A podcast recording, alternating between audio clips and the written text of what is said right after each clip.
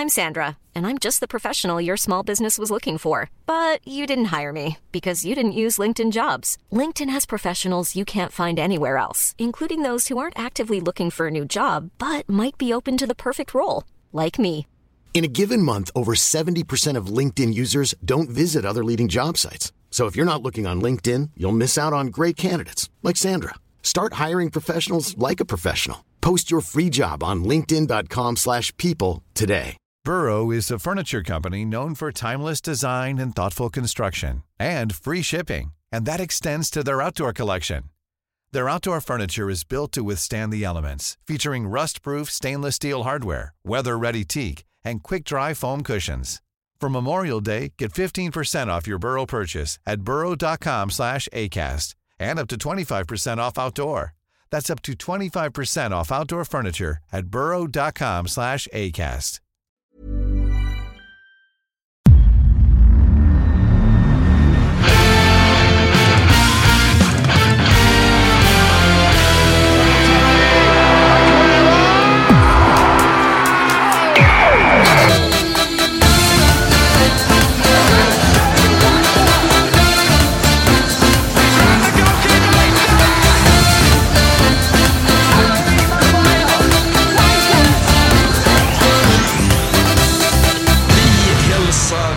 hjärtligt välkomna tillbaka till ett nytt avsnitt av Rule Britannia. Det är eh, torsdag den 27 juli. Det är återigen Arla morgon vi sitter här Fabian, men eh, nu befinner vi oss faktiskt, åtminstone för en kort stund, i samma land. Stolta, härliga Svea rike. Ja, men det känns faktiskt, nej, jag ska inte säga att det känns skönt att komma hem, men eh, när det, var typ, det, det var 15 grader och spöregnade när jag landade i Stockholm i, ja, när fan den var, i tisdags kanske. Men eh, en sak, jag har faktiskt inte tänkt på det, men en, en, eh, en väldigt nära vän till mig, han pratade så här, men hur har det gått för podden? Jag tycker att ni är skitbra, det är kul att lyssna, kul att lyssna när supportrar bjuds in. Men fan, ni har börjat varje avsnitt med att säga att den ena eller den andra är bakfulla. Idag är vi fan inte där va? Nej du, inte ett glas har kommit i min kropp på... eh, Du, jag har faktiskt kört avhållsamhet i tio dagar. Den du, Oj. mitt i sommaren. Ja, det, det har inte jag gjort, men jag är två dagar i alla fall. Så uh, för, förutsättningarna är, jag vet inte om de är bra eller dåliga inför ett jävligt bra och pickt avsnitt. Men som sagt, klockan är åtta och det finns en anledning varför vi har gått upp så här tidigt. Vi har ju faktiskt suttit i dagarna två nu och och eh, spelat in de här inför avsnitten som vi har pratat länge om. Så eh, det känns eh, jävligt kul att vara igång med de här också.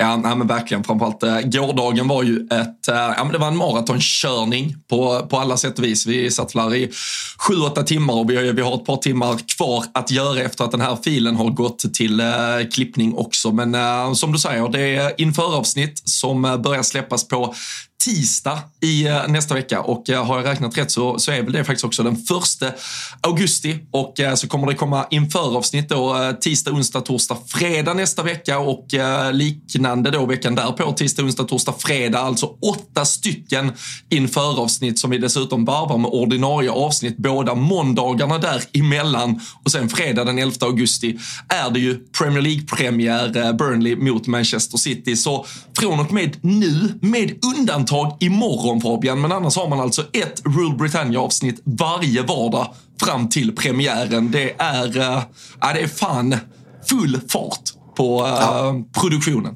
Ja, men det kan man lugnt säga. Och det känns som att många börjar jobba liksom nästa vecka. Vissa kanske har en vecka semester kvar och man känner så här. Jag, jag har haft svårt. Sen kanske det beror på att jag har varit utomlands mycket. Att jag har svårt att ta till mig de här träningsmatcherna som har spelat. Men jag tycker man ser i natt liksom nu börjar det komma igång på riktigt. Nu börjar det liksom hända saker i trupperna. Det börjar ryktas. Liksom, trupperna ska försökas göra klart. Och liksom, man börjar kunna dra ut mer växlar av träningsmatcherna. Och bara i natt så var det väldigt ja, men högkvalitativa matcher som spelades. Som vi såklart ska komma in lite på. Även om jag misstänker att du kanske inte satt med kvadrupelskärmen i natt och kollade både Chelsea, Real Madrid, eh, United, Arsenal, Barca och Fulham Villa. Det vet jag inte om du gjorde, men tveksamt va? Ja, det, det, det är faktiskt eh, tveksamt. Där, där har du gjort en eh, korrekt eh, spaning. Men, ja, men som sagt, så alla införavsnitt snart i burken, redo att klippas ihop och sen börjar de pumpas ut på tisdag i nästa vecka. Och då, då kan ju folk som har, har lite liksom, skarpsinne kvar och inte har sommarsåsat till allting förstå att det är inspelat nu, kommer nästa vecka och nästa vecka igen. Det kan ha hunnit hända någonting från det att vi spelar in till att det kommer ut och sådär jag tror vi kommer att dra de, ja, men de stora penseldragen kring eh, de flesta klubbarna. Och eh, det var ju väldigt kul faktiskt också. Vi har fått eh, ganska mycket ja, men feedback och eh, upplyftande ord på eh, det gästavsnitt vi hade i eh, måndags där Leonard var inne och snackade om de här nykomlingarna som är på väg upp och det blev ju lite lyssning för dig också. Så det var väl ja, men någonting att lära sig efter att vi hade Leo inne också.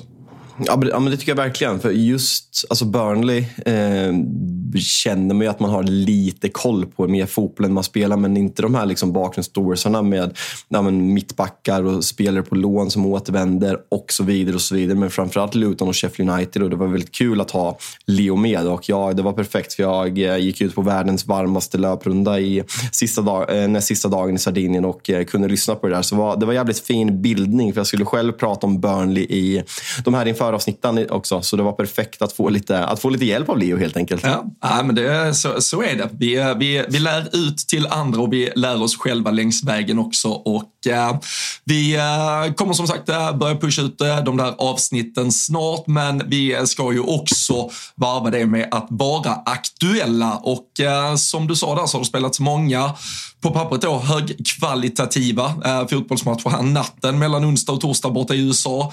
Chelsea-Newcastle 1-1. Arsenal-Barcelona 5-3. Fulham, Aston Villa 0-2. Men viktigast av allt, Real Madrid, Manchester United 2-0 och det tog sex minuter för André Onana att släppa in ett mål av ah, det som jag fortfarande ser som nästan en Liverpool-spelare, Jude Bellingham. Fan, kom ihåg det när, eh, när Trent och Henderson gjorde agentjobbet under VM och i stort sett, eh, han var, han var väl typ presenterad i en röd tröja där va? Det eh, kändes så ja, absolut. Det, detta ja. är ett av de största sveken någonsin. att, eh, att han inte spelar i, i rött den här säsongen. Alltså jag vill ju prata om att det är en träningsmatch, men eftersom vi inte spelar träningsmatcher så måste vi se det här som en vanlig förlust i liksom en, en, en match som liksom har en serie, serienivå i sig. Och jag såg faktiskt, jag ställde klockan och såg första halvleken här. Och eh, alltså så här, det är en träningsmatch, man ska inte dra för stora växlar. Men, där kom den. Där kom den. Den klassiska sägningen. Nej, men alltså, det, det är en ganska jämn fotbollsmatch. Real Madrid gör ett tidigt mål och Eh, sen är det liksom ett ställningskrig, men jag tycker man ser, liksom, om vi ska ta Real Madrid, tycker jag vi ser Bellingham som även blir utnämnd till man of the match, vilken otrolig spelare det är. Och eh, att det är på något sätt vemodigt att vi inte får se honom de här åren i Premier League. Jag hoppas väldigt mycket att han kommer, liksom, han har ju skrivit ett sexårskontrakt, så han kommer typ vara, 20, han kommer typ vara 26 år när han, när han är klar med det här kontraktet. Så hoppas man får se honom i Premier League eh, eh, förr eller senare. Men i Manchester United då så Lisandro Martinez eh, klippte ju Saka eh, i första matchen. Gjorde samma sak med Bellingham den här matchen och började hetsa det och fick en varning. älskar man ju att se. Och man eh, älskar ännu mer att se att motståndarsupportrar börjar bli riktigt provocerade på Lisandro Martinez. Nu har vi både Licha och Bruno Fernandes som alla verkligen hatar, vilket jag såklart älskar. Eh, jag tycker att man såg, eh, en sak som jag tycker man, eh, man såg tidigt, det var att känslan jag hade att det borde sitta så här i ryggmärgen på spelare att man inte spelar hem till målvakten i trängda lägen för att man är van att ha de Gea. Men här tyckte jag att man såg direkt att man litade på, en, på nya målvakten Onana och han, han kan inte göra något på målen. Så jag tyckte att det såg liksom att det här kommer bli en annan dimension i Manchester United. Men framförallt anfallsspel för att man vågar använda sig av sin målvakt som även är en av världens bästa målvakter med fötterna. Så det, det är väl det man kan ta med sig egentligen. Och sen samtidigt situationen med Mason Mount och Bruno Fernandes där Bruno just nu spelar ganska mycket högre upp har väl inte fallit direkt väl ut. Jag vill se mer alltså en kombinationsspel mellan dem på planen. Men jag, det är fortfarande tidigt. De har spelat två och en halv match tillsammans så um, det, det, det kan bli förbättring helt enkelt. Men uh, ja, alltså Real Madrid är ett jävligt bra lag och uh, gamla Stoke-bekantingen, hur fan säger man? Joselu eller vad, vad, vad säger man? Joselu. Joselu. Newcastle också va? Ja, exakt. Otroligt jävla 2-0 mål som han uh, punkterar matchen med i slutet. Måste, måste även nämnas. Det, det, det är någonting med de här gamla jävla Choupo-Moting och Joselu som eh, floppat och sen ska... Vad, vad fan har de hamnat i Bayern München? Real Madrid. Ja, nej, men det, det, det, blir ju till slut landslagsspelare av dem. Det var ju Iago Aspa, samma sak efter sin superflopp i Liverpool. Du vet, sen plötsligt ser man att han eh, gör 25 plus i Celta Vigo år efter år och så är han i någon spansk landslagstrupp och så vidare. De, ja, de, eh, de har en tendens att uh, studsa tillbaka. Men eh, du, eh, på tal om att eh, man kan ju skoja om att ni spelar träningsmatcher eller inte träningsmatcher, men det var ju ändå en mer eller mindre väl ordinarie elva. ett namn du kommer att presentera lite närmare när vi pratar ja, men, uppsnack och eh, inför är ju eh, talangen eh, Kobe Mino. Han var väl den, om man säger för gemene man, som var det enda utropstecknet i startelvan. Gick av efter fem minuter bara. det var väl någon skada där som jag förstod det. Men annars är det ju, alltså ni verkar verkligen köra in startelvan. Det är inte så mycket det här laborera med 25 spelare per match, utan det känns som att Ten Hag ändå lever då lite upp till orden om att man inte spelar i alla fall inte träningsmatcher som inte ska ge någonting utan det är med väldigt tydligt sikte på att sätta elvan till premiären.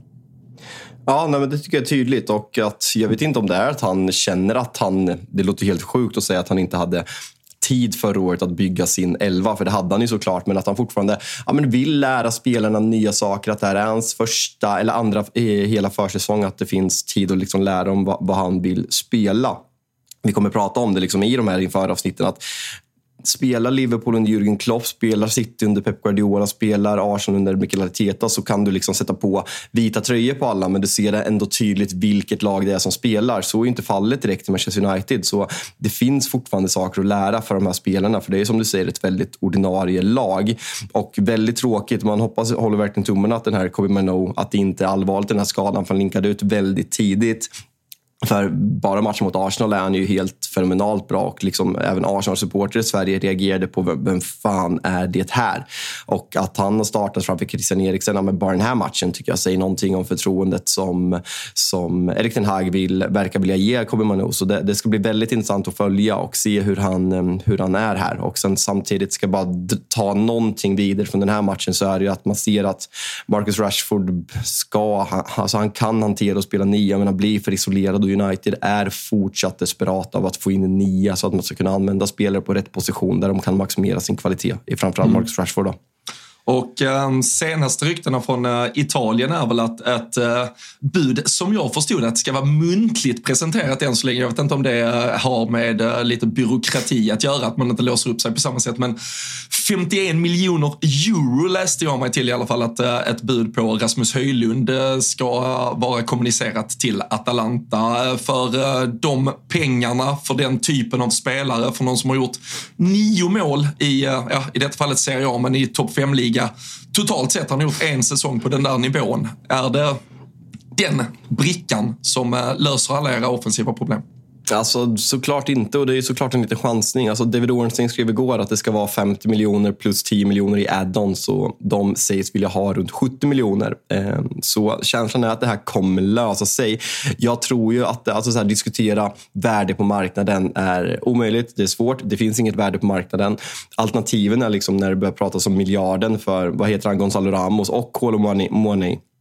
Du här, vad, vad fan. Alltså, vad, vad är skillnaden? Alltså det, det, är så oprövade spelare på den absoluta högsta nivån och sen ska de kosta de här pengarna. Så kan man liksom få en, en stor talang. jag tycker att det finns mycket av det jag sett av Rasmus Höjlund. Det finns liksom en, en länk-up-spelare. Det finns en kraftig liksom, spelare som kan löpa liksom, bakom backlinjen och även utvecklas. Du kan spela med Jadon Sancho som falsk nia som Ten Hag har uppat för på försäsongen. Du kan spela med Marcus Rashford där. Du kan spela med Martial om han inte lämnar. Så det finns liksom en formbar spelare. Han kan, kanske inte kommer göra 38 matcher den här säsongen som Harry Kane hade gjort om man hade tagit honom. Men jag tycker ändå att det är ett ja, rimligt, ja, det är inte rimligt pris. Men vad fan, vad är rimligt pris idag? Det, fan, det går inte att prata. Det är piss ja, nej, men jag, jag, jag köper det och det, det kan man ju återkomma till eh, hundra gånger om. Det, det, det, är inte våra pengar, så vill, eh, vill Glazers till slut använda lite pengar. Uh, det är väl i inte deras alltså, pengar heller, det, det är väl klubbens skit, pengar.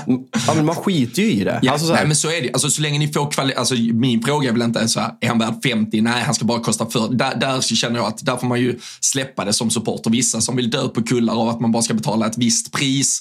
Alltså, så här, sen finns det ju finns ju såklart nivåskillnader på att betala 50 miljoner eh, euro eller betala 150. Då kanske man kan eh, känna lite att ah, det här kommer nog få följdeffekter som påverkar något annat. Men om det är 40, 50, 60 eller 70 kan ju du och varenda United-supporter skita blanka fan i. Sen såklart så är det väl mer frågan, är Höjlund rätt? Är Kolomani bättre eller är någon annan bättre? Det är väl en fråga och där får man väl säga så att ett lag av dignitet, Manchester United, kanske ändå kan vara beredda att ge det tid som jag tror man måste göra med Höjlund och låta honom växa in och bli en nia kan ju ha, det finns ju någonting faktiskt till och med charmigt i det om, om man zoomar ut lite och inte bara ser eh, Manchester United som en rival. Men eh, att, eh, att det ändå måste vara frågetecken kring om han är redo att så att säga hit the ground running och börja ösa in mål i Premier League. Det hade jag ju ändå varit lite nervös över som supporter.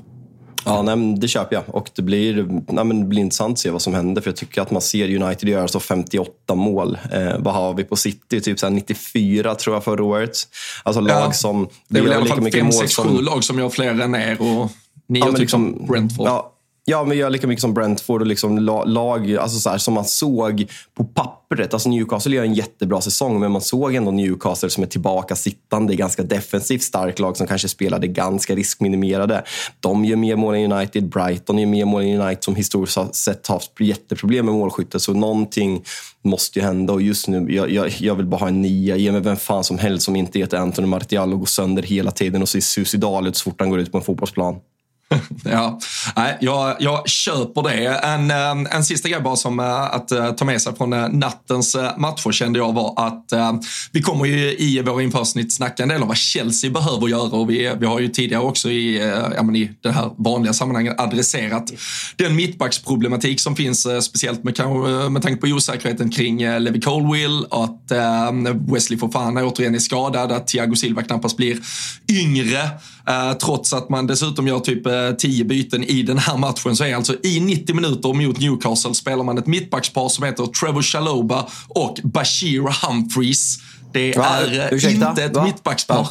Vad sa du? Bashir Humphreys. Har du full mm. koll på honom? Nej, jag har faktiskt aldrig hört hans namn.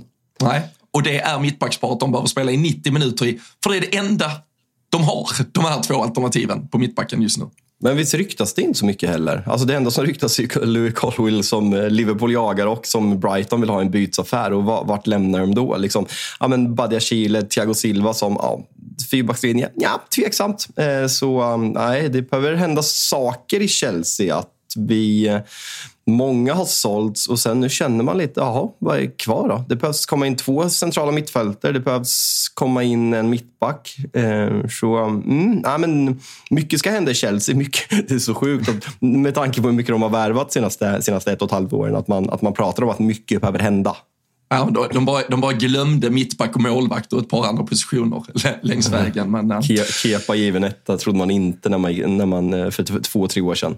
Nej, nej, det gjorde man verkligen. Alltså, alltså, Edouard Mendy, det, den våren han gör med Thomas Tuchel, vägen fram till Champions League-titeln, det, det är bland det fan giftigaste man har sett. Alltså. Men sen, han, han, han rankas alltså, ju som topp top tre i världen där.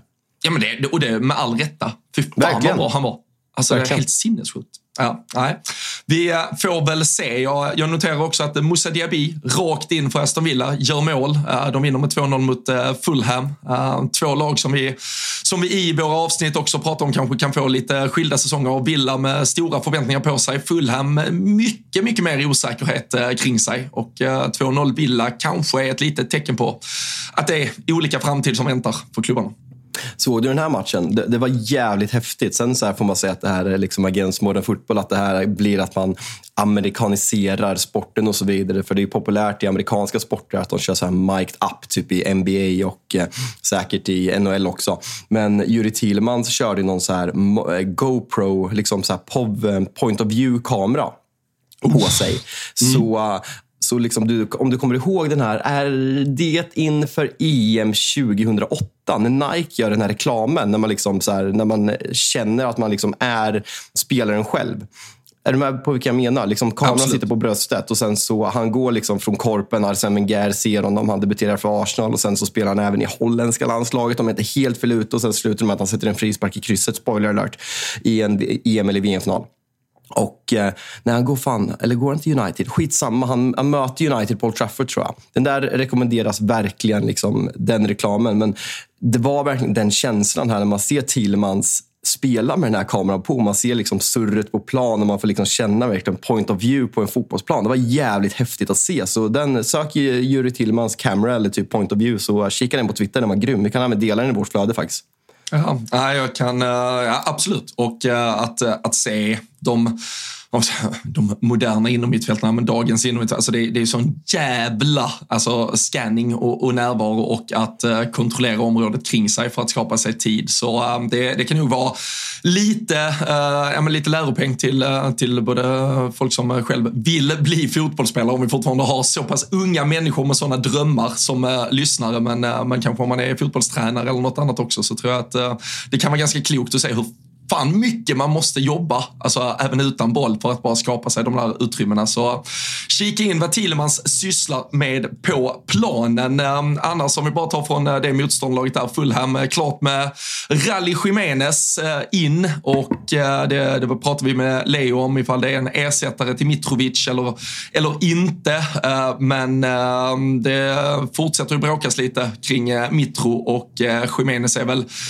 i alla fall en fullt habil nia att eh, alternera med. Sen har ju hans eh, målskytte sannoliken stagnerat sedan den där eh, huvudskadan mot Arsenal för vad är det nu? Är det tre år sedan? Två och ett halvt år sedan? Något sånt i alla fall.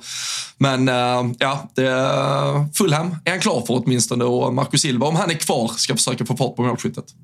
Ja, men det är väl något sånt och man, man hoppas ju verkligen. Alltså det är svårt att sia om alltså Fulham hur, hur man kommer gå där. Om det liksom är en rak ersättare eller om man kommer bredda ännu mer. Men man hoppas ju kanske framförallt för Rally Khemenes skull. För det är, det är en spelare som man ja, men det var lätt att ta till sig. Liksom, en uppoffrande liksom, sydamerikansk spelstil men samtidigt jävligt vass på att göra mål. Och han har inte blivit samma spelare efter, efter skadan och liksom inte fått chansen vecka ut och vecka in. Så om han skulle vara en ersättare till Mitrovic så håller man ju verkligen tummarna för att han liksom kan komma tillbaka. Sen mm, 32 år, känslan är ju att det kanske inte kommer bli så, men man, man kan ju hoppas i alla fall. Det vore ju fint att han får liksom en revival på, på karriären på Crum Cottage.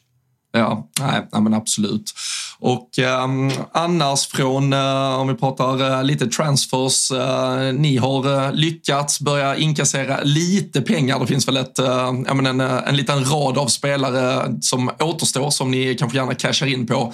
Men såklart med stort svensk intresse, Anthony Elanga såld till eh, Nottingham Forest. Eh, 15 miljoner pund eh, uppges det landa på och du har väl varit ganska tydlig med att han han var aldrig så bra som eh, han hade behövt vara för att vara en eh, United-spelare. Det var, det var en häftig liksom, sejour där han studsade upp i ett eh, mörker för er del och var en, en, en, en, lysande stjärna över en natt i stort sett. Men det var väl aldrig menat att det skulle kanske bli mycket mer än så när man tittade till kvalitet och vad era förväntningar på er själva är framöver.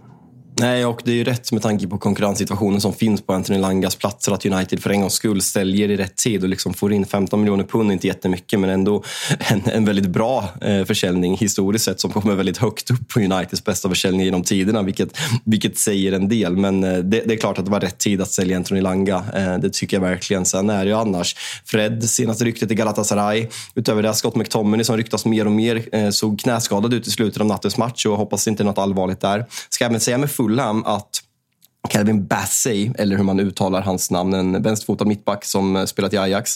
Mm. Eh, sägs vara det senaste och liksom det, enligt Romano så ska det vara, men det ska vara here we go confirmed till och med. Eh, det, eh, det stod länge mellan honom och Salisu som ny vänsterfotad mittback. Salisu som spelade i Southampton förra säsongen, men Bassey som även ryktas till andra klubbar ska vara väldigt nära att skriva på för Fulham.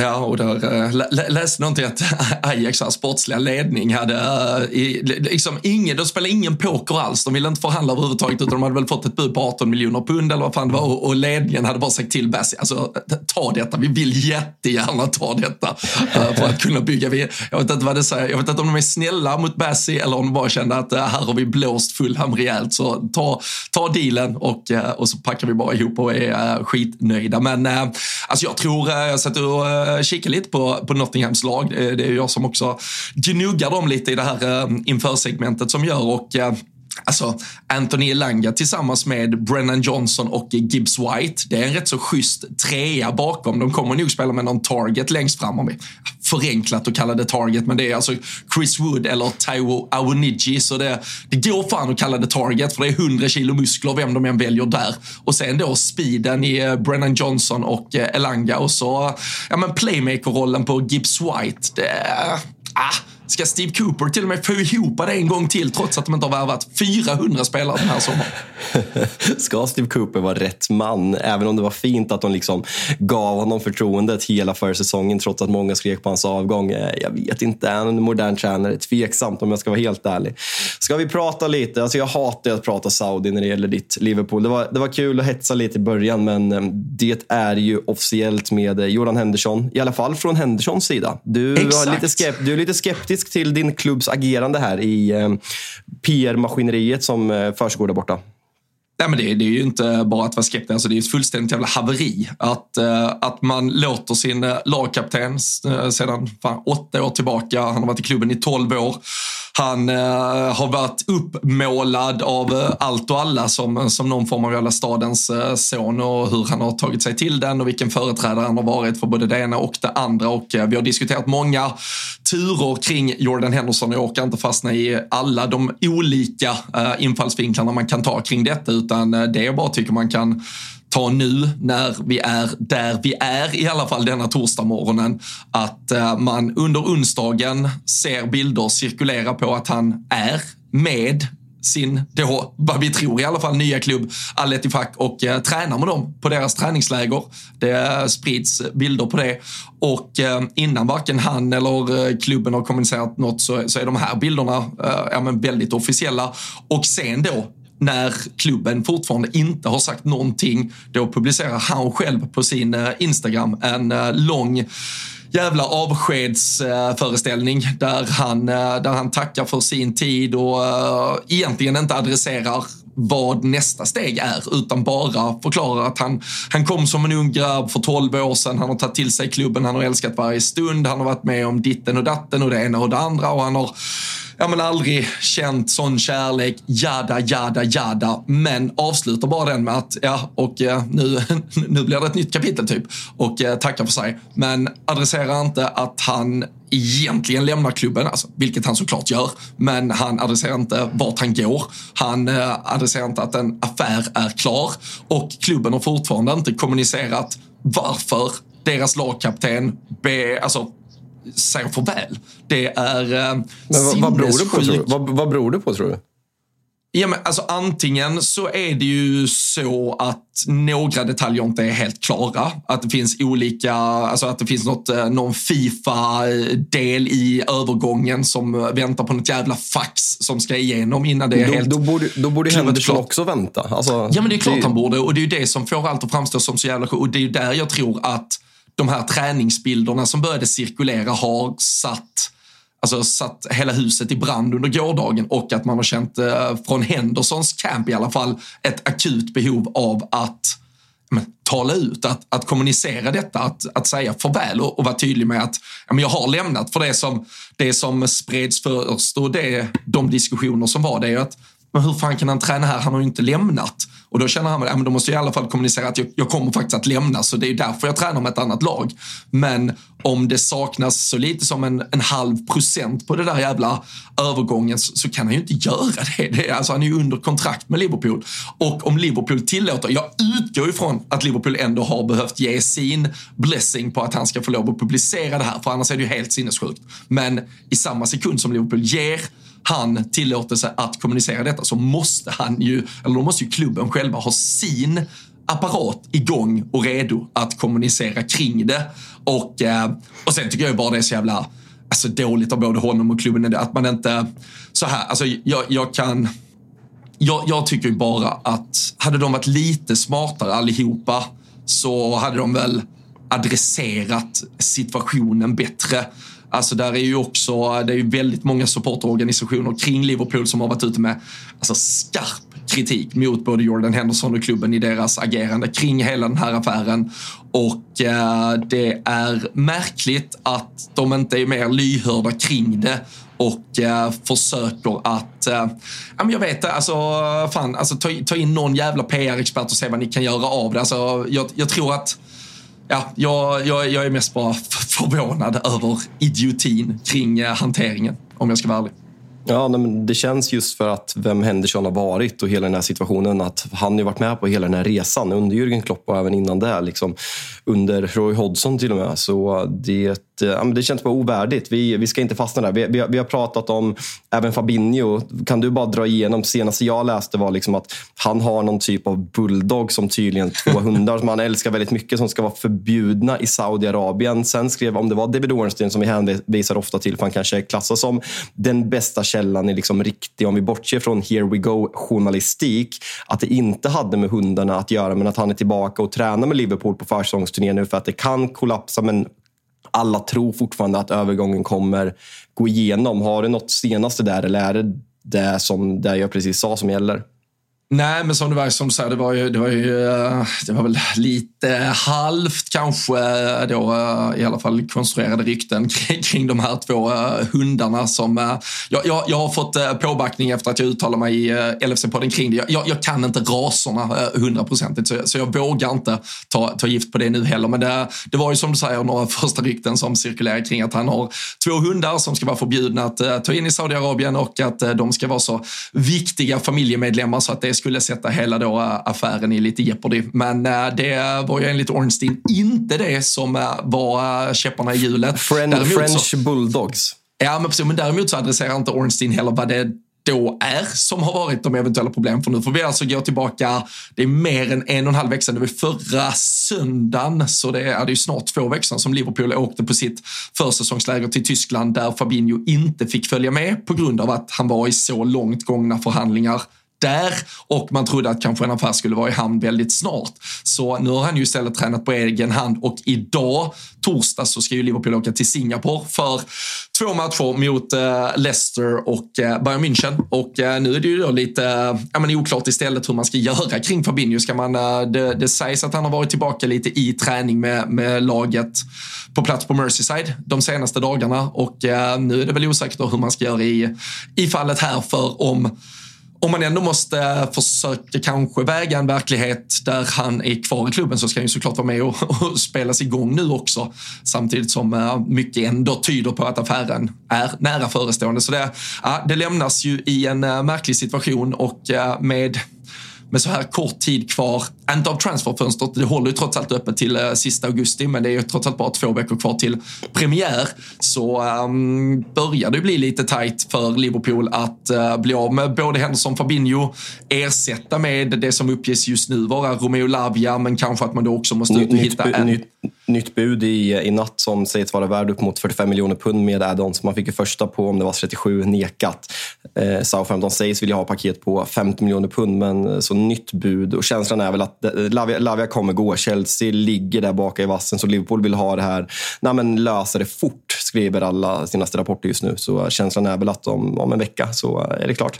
Ja, och där, men där är det också så här, alltså Lavia ryktades ju till Liverpool även innan Henderson och Fabinho var på väg ut genom dörren, eller ja. Bakdörren kanske vi ska uh, vara, vara, tydliga med eftersom i alla fall Henderson verkligen bara, bara, bara sticker iväg. Men Lavia tror ju inte jag, och det har vi pratat om här också, är ju inte, är ju inte redo att vara en nummer sex som startar för Liverpool varenda match under en Premier League-säsong och, och bär ni har, oss till... Ni har, ni har ju världens största talang, Stefan Bajsetic.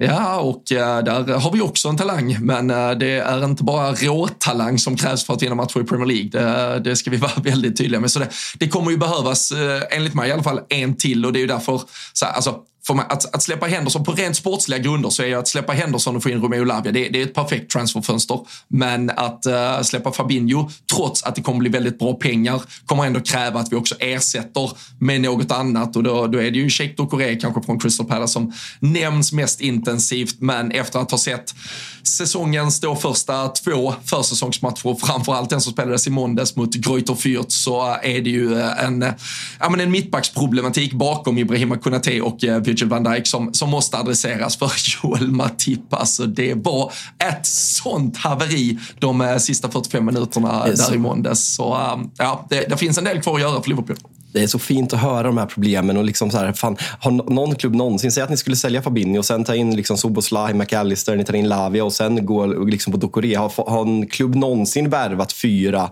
ja, men tänkta typ startspelare på centralt mittfält? Jag kan inte komma på det. Vi ska lämna Liverpool så att det inte bara blir det är mycket Liverpool United idag. Det, det blir så för att det är två väldigt aktiva lag som har mycket kvar att göra. En annan konstig sak som man verkligen höjde på ögonbrynen om, det har varit mycket snack om vad Wilfred Zaha ska göra. Galatasaray. Vad fan händer där?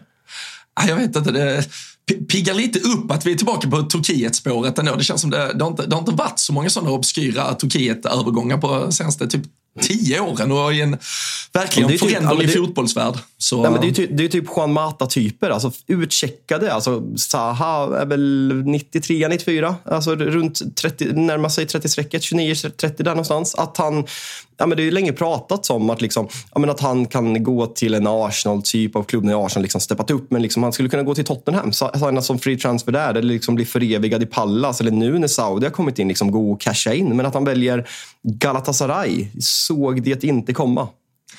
Nej, och uh, nu är det väl, det är väl också klart med Mauro Icardi. Han var väl där på lån förra säsongen, men jag tror det var klart med han från, eh, från PSG. Det, det är ett stökigt, härligt, offensivt Galatasaray som väntar ändå. Icardi och Zaha, det, det, det, uppskattas. Jag ser fram emot det. Zaha har ju sett bilder på Wanda och liksom hört alla stories och han är toksugen. Det är därför han gick dit. Ja, så får vi väl se. Nu, eh, nu, nu, har väl Fabio Borini lämnat. Jag tror fan han har gått tillbaka till Italien, kanske till uh, Sampdoria eller något. Men gamla Liverpool-legenden Borini var ju alltså i Turkiet förra, gjorde 20 plus 9 på 30 matcher. Oh så, jävlar. Ja, du, eh, den, den skojar man fan inte bort alltså. Det, ja. Jag minns inte vilket av alla de här, han var i någon av de här märkliga, Karagümrük var han i Turkiet förra säsongen. Men uh, fan, fin, han, fina turkspåret ändå. Det är fan snyggt att du sätter den. Han har gått till Sampdoria. Jag, jag minns ju när jag såg United spela semifinal första mötet borta på Stadium of Light och Borini avgör på straff. Det ett, eh, under David Moyes. Det var en mörk kväll uppe i Sunderland. ja, eh, han var väl med, han var ju i Sunderland när de gör Alltså året innan det fallerar fullständigt för Sunderland så gör de ju en sjuk great escape. De vinner väl borta mot Chelsea också, tror jag också, om det är 1-0 på straff där Fabio Borini gör målet. Så det, de, de, de, hade, de sprattlade till några veckor under den våren när, när han var där. Men, äh, han, äh, borde ha, han borde väl ha Mois där någonstans. Han är, alltså, han, går, han är på lån 13-14. Det är alltså säsongen jag ser honom göra mål. Sen går han 2015 Eh, 2015 till 2018, dock utlånad till Milan sista året. Så jag misstänker väl att det kanske är året när man är i Championship. Så alltså mellan 15 och två säsonger så representerar han, då borde han ha David Moyes där någonstans. Det är David Moyes som gör den där Sweet Escape med German Defoe bland annat i laget, har jag för mig. Ja, nej, men där är de ju uh, otroliga faktiskt. Men uh, vi, ska, vi ska inte fastna i... Det var, det var här vi kom, det var här vi landade. Fabio Borinis uh, Turkiet-äventyr och uh, dagar i Sunderland för tio år sedan. Man vet aldrig vart vi tar oss när vi trycker på räck. Nej, och det är det som är charmigt. Alltså, sitta och prata om silly season dagarna till ända. Det kan, man, det kan man ta i andra poddar. Så jävla kul är det inte med silly season. Jag är ganska trött på det. Så sidospåren, det är, det är fan där det är roligt att hamna. Så är det. Ja, ja, men verkligen. Vi, eh, vi ska väl bara säga det, med eh, Wilfried Zaha så var det ju faktiskt att, eh, lite märkligt, alltså, Eh, det, det, finns inga liknelser i övrigt, men, men, som sagt att, eh, att Liverpool eh, lite skickar ut Jordan Henderson bakdörren och att det inte blir något ja, men något större och att det inte blir finare och absolut inte bättre. Och till slut så blir det ju riktigt jävla illa hanterat och det blir med bitter jävla eftersmak. Så tror jag ändå att Palace-fansen känner lite sorg kring just historien med Zaha, alltså hur viktig han har varit för dem de senaste åren. Och med ett kontrakt som då gick ut den här sommaren så tror jag ändå alla var väldigt inställda på att han kanske skulle skriva på för någon säsong till och att det skulle komma en transfersumma in sen. Han har ju men de senaste åren ändå ryktats kunna göra den där lite större flytten, kosta lite pengar och faktiskt inbringa lite cash till eh, Palace-kistan. Men eh, äh, gå gratis utan att något var uttalat. När säsongen gick i mål så fick ju inte liksom det stora avskedet. Det, det, det måste ändå vara lite surt när det är en spelare som för fansen där har betytt så mycket. Ja, men över jag är inne på hans Wikipedia-sida. 92 han född ska sägas, eh, så äldre än vad jag trodde, men alltså över 400 matcher. Alltså ligamatcher för Crystal Palace. Och det är ju det är den absolut största i modern tid liksom, som har gjort flest matcher i Crystal Palace. Och måste bara, vi, vi återvänder till David Moyes.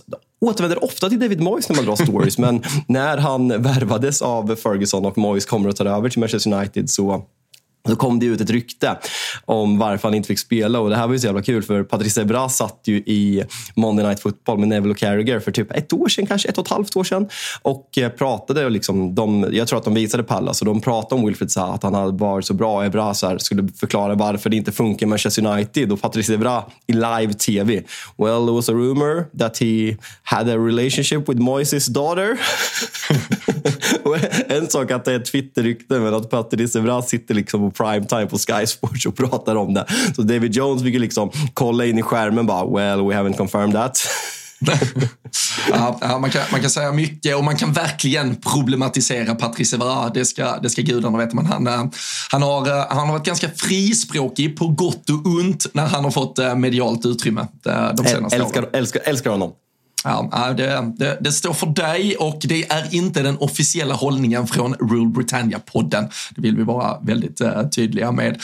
Men uh, för att ändå avsluta David Moyes-spåret så, eh, så tycker jag ändå, du, du nämnde ju en McTominay som kan vara på listan över spelare ni vill kränga iväg. Han uh, är ju nu på jakt efter nya mittfältare till sitt West Ham-lag och Eh, Declan Rice har eh, inbringat stora pengar till West Ham. Men eh, frågan är hur många spelare som är sugna på att försöka axla den rollen och hur mycket då alla de här jävla dollartecknen kommer att kunna betyda för att uh, egentligen realisera någonting vettigt av det. Det, det pratas uh, som sagt McTominay James Ward-Prowse har nämnts, Conor Gallagher har nämnts i förbifarten.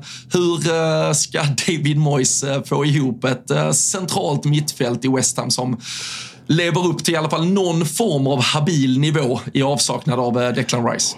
Nej, alltså det, det, det, krävs ju spelare ganska omgående och det, det är inte bara centrala mittfältet. Thomas Zuzek kan ju spela, men han behöver verkligen någonting bredvid sig. Det skulle nästan behövas ja, men två spelare av det här. Kan man få in ja, men McTominay i en löpstark mittfältsroll och sen antingen Ward Prowse eller Gallagher bredvid så tycker jag ändå att det är en okej okay ersättande. Sen ska det liksom, det är löjligt att de ska upp och kosta ungefär vad Declan Rice kostade själv. Sen ska Makalla lämna Antonio, liksom, har man ju gett upp på. Sen anfallare behövs och sen samtidigt så håller Harry Maguire på att rykta så känslan är att det nästan krävs 200 miljoner pund för att liksom West Ham ska bli ett slagkraftigt lag. För det är mycket som behöver göras efter, efter den där säsongen man gjorde. Man vill bygga vidare på Lucas Paquetá som jag tyckte gjorde en bra vår. Men eh, nej, stora frågetecken för David Moyes, som vanligt. Ja, det, det, det, det, det, skulle, det har någonting om uh, Lucas Paketari ändå fortsätter gnugga år efter år och spela i en nummer 10-roll, om vi säger, mellan då en Michael Antonio på topp och Thomas Zuzek och Scott McTominay på ett mittfält bakom sig. Det, det är inte Brasilien direkt han huserar i, i den miljön. Fy fan alltså. Uh, nej, magstarkt. Ja, men när man går in och bara kollar liksom rykten så är West Ham ett av de lagen som ryktas till flest spelare. Alltså det har varit snack om Leon Goretzka, tror jag såklart inte kommer ske. Det har även varit snack om Edson Alvarez som gör det jävligt bra i Ajax, som ryktades till Chelsea förra året. Och sen, ja, men som vi nämnde, Harry Maguire och gänget. Så det, det, känns, ja, men det känns sjukt att det inte har hänt någonting, för klubbarna har ändå blivit bättre på att göra tidiga affärer och speciellt de som är desperata av tidiga affärer, vilket West Ham ändå får säga så här nu när man har tappat sin talisman och kapten. Så ja, men konstigt att vi, vi är snart inne i augusti och liksom, vi är bara två, imorgon är vi två veckor från seriepremiär och det är inte hänt någonting på insidan i West Ham, vilket är väldigt speciellt.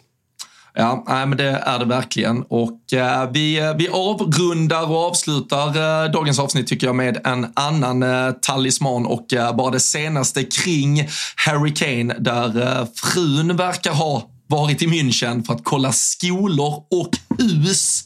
Och eh, jag har även förstått lite på, på tysk media att eh, ryktena kring att Bayern München även vill ha Kyle Walker, som vi har eh, pratat om här, ska ha den lilla touchen att förutom att de får in en, vad de säkert tycker är en väldigt bra högerback, så ska det ju vara en av Harry Kanes bästa kompisar.